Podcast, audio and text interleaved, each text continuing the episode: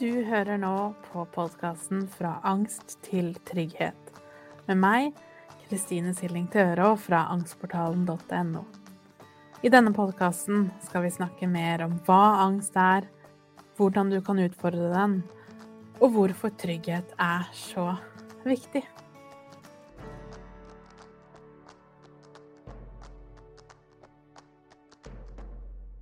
Hei og velkommen til episode 56. Og i dag så skal vi snakke om den perioden hvor du begynner å bli klar for å se innover. Så jeg skal snakke litt om hva det egentlig betyr. Og så, som forrige episode, så skal jeg lese et utdrag fra boka mi på når vi går over til den gule fasen. Sånn at du får et bedre bilde på hva jeg egentlig mener når jeg sier bearbeidingsfasen, og hva det egentlig betyr. For som vi snakket om i forrige episode, så vil jo de fleste av oss aller først befinne oss i den røde akuttfasen.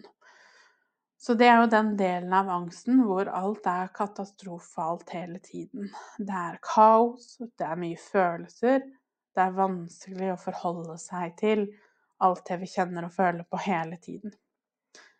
Men så, etter hvert, så begynner vi å få hodet over vann. Vi begynner kanskje å få en liten iver etter å finne ut av hva er dette her egentlig? Så i stedet for å bruke all energien vår på egentlig bare å overleve, som vi jo mer eller mindre gjør i hele akuttfasen, så begynner vi å få litt til overs til å fokusere på noe annet. Så vi starter med at jeg leser litt fra boka og innledningen til bearbeidingsfasen, og overskriften er 'Et lys i tunnelen'. I bearbeidingsfasen skal du begynne å se innover.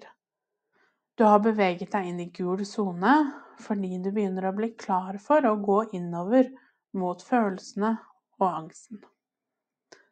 Det betyr at du skal øve på å møte følelsene og tankene dine, for deretter å utforske hvorfor du har de følelsene og tankene du har.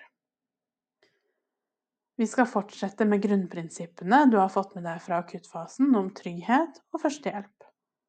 Og med disse i ryggsekken skal jeg vise deg hvordan du kan begynne å kjenne på det som gjør vondt, uten at det skal bli for mye for deg.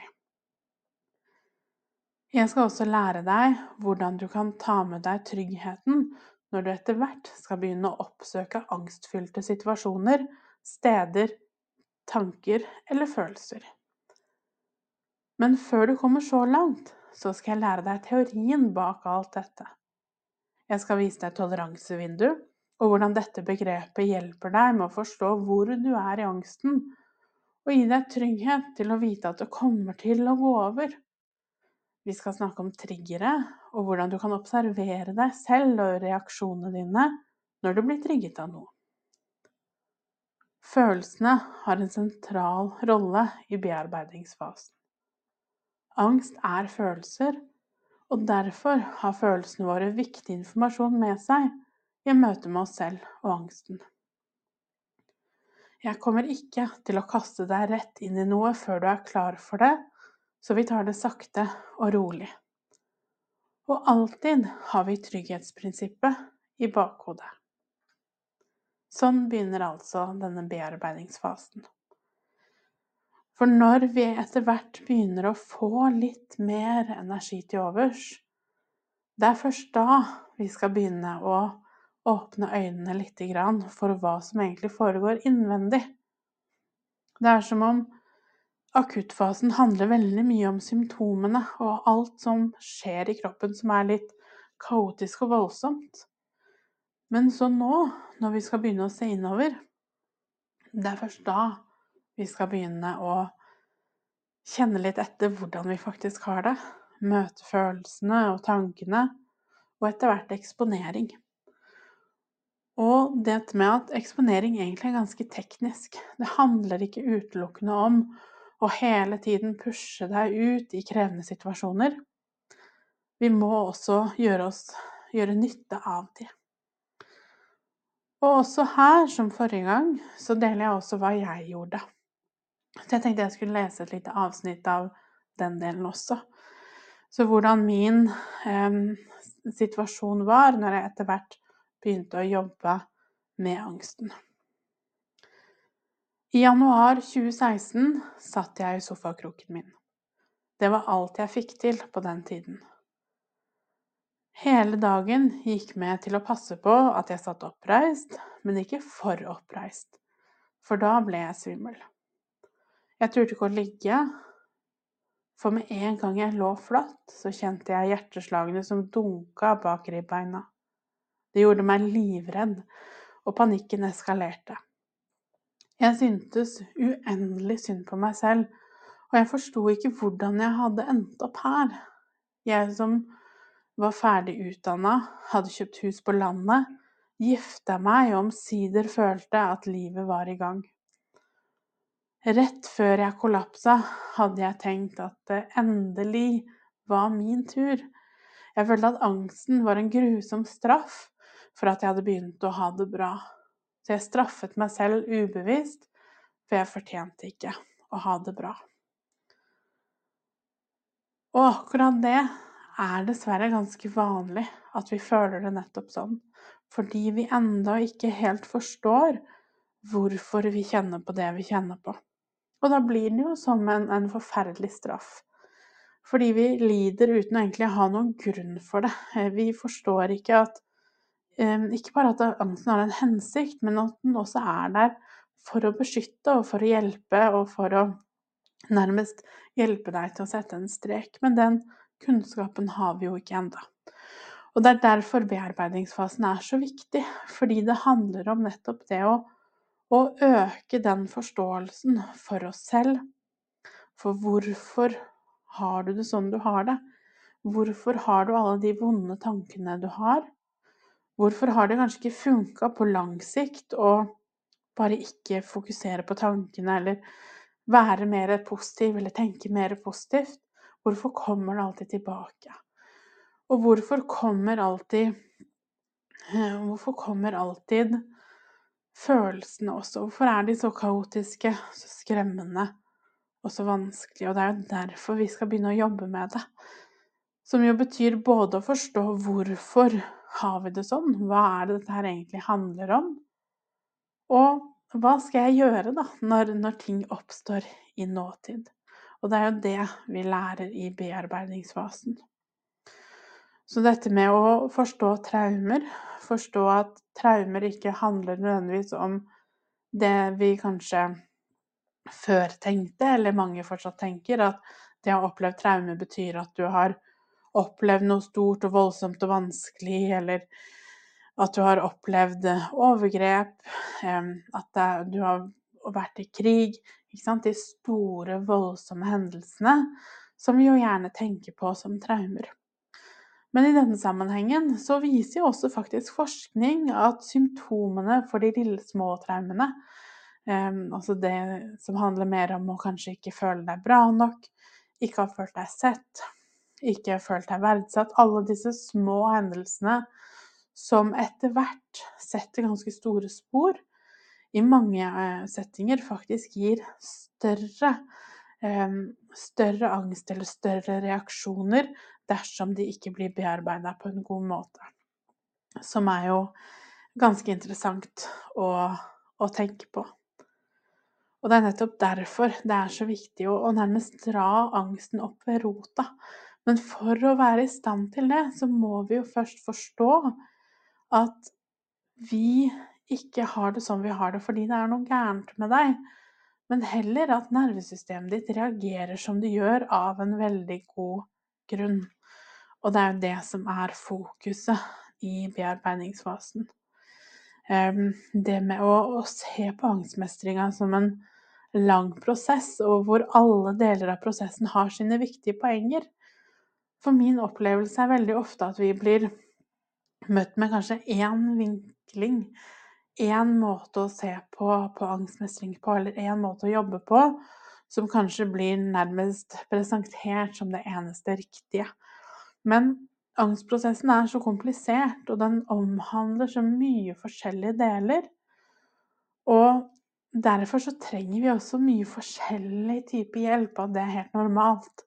Fordi eksempel det å, å jobbe med tankene dine er ganske annerledes enn å jobbe med enn å jobbe med følelsene. Vi må møte det på ganske forskjellige måter. Men begge deler er jo like viktig. Vi trenger jo å møte tankene våre og jobbe med de, og vi trenger jo også å jobbe med følelsene. Og jeg tror nok de fleste av oss har jo begge deler. Vi har vonde og vanskelige tanker, og vi har vanskelige følelser som vi ikke heller klarer å forholde oss til. Og derfor så trenger vi også hjelp med begge deler, og da trenger vi litt forskjellige vinkler. Og jeg tror det er det som er um, det viktigste, og det er derfor jeg har så mye fokus på det også. Og spesielt da i bearbeidingsfasen, det å vite at det du gjør som, en, som fungerer for deg, det tenker jeg du skal verne om for det det er verdt.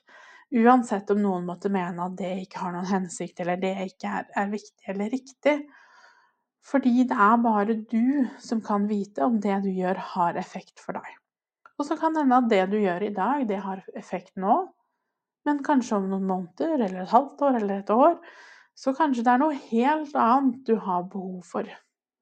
Enten om det er en helt annen måte å tenke på, en ny fremgangsmåte, en ny terapeut. Det er helt normalt, og det er helt,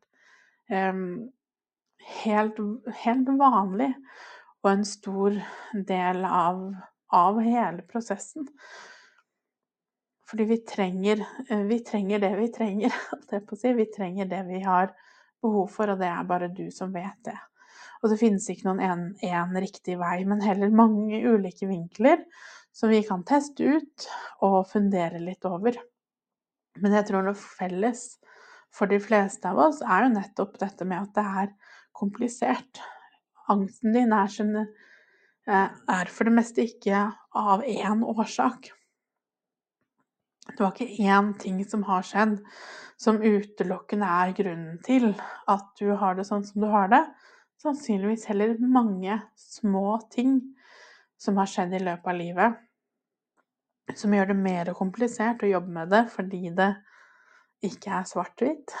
Det kommer an på så mye. Og det er der bearbeidingsfasen kommer inn. Så hva du kan gjøre for å skape rom for følelsene, for å skape rom og imøtekommenhet i tankene, og hva du kan gjøre for å rett og slett forstå deg selv og begynne etter hvert å kanskje legge litt vekk skammen. Legge vekk alle de vonde tankene du har om deg selv.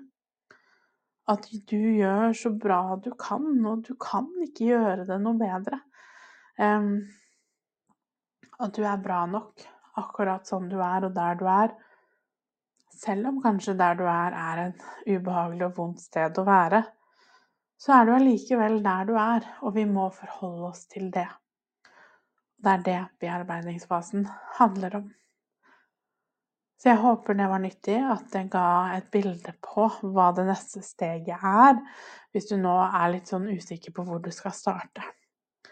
Neste uke skal jeg snakke om vedlikeholdsfasen, den delen hvor vi har på en måte jobbet med den verste av angsten. Du har flere gode dager enn dårlige dager, og trenger hjelp til å, møte hverdagen, rett og slett. Det er tema neste uke. Så husk at du nå kan forhåndsbestille boka via Nordli. Jeg legger linken under. Eller du kan gå på nordli.no, søke opp 'Ikke ta deg sammen', så kommer den opp der. Er det noe du lurer på, så må du ikke nøle med å si ifra. Hvis du har et spørsmål eller du har et tema du vil jeg skal snakke mer om i en fremtidig episode, så må du bare si ifra. Ta godt vare på deg selv, så snakkes vi. For å lære mer om angstmestring og mine metoder, så går du til angstportalen.no. Du finner meg også på Instagram som Angstpedagogen. Og på Facebook som angstportalen.no, der har jeg også en gratis Facebook-gruppe hvis du har lyst til å komme i gang og bli kjent med andre som har det på samme måte.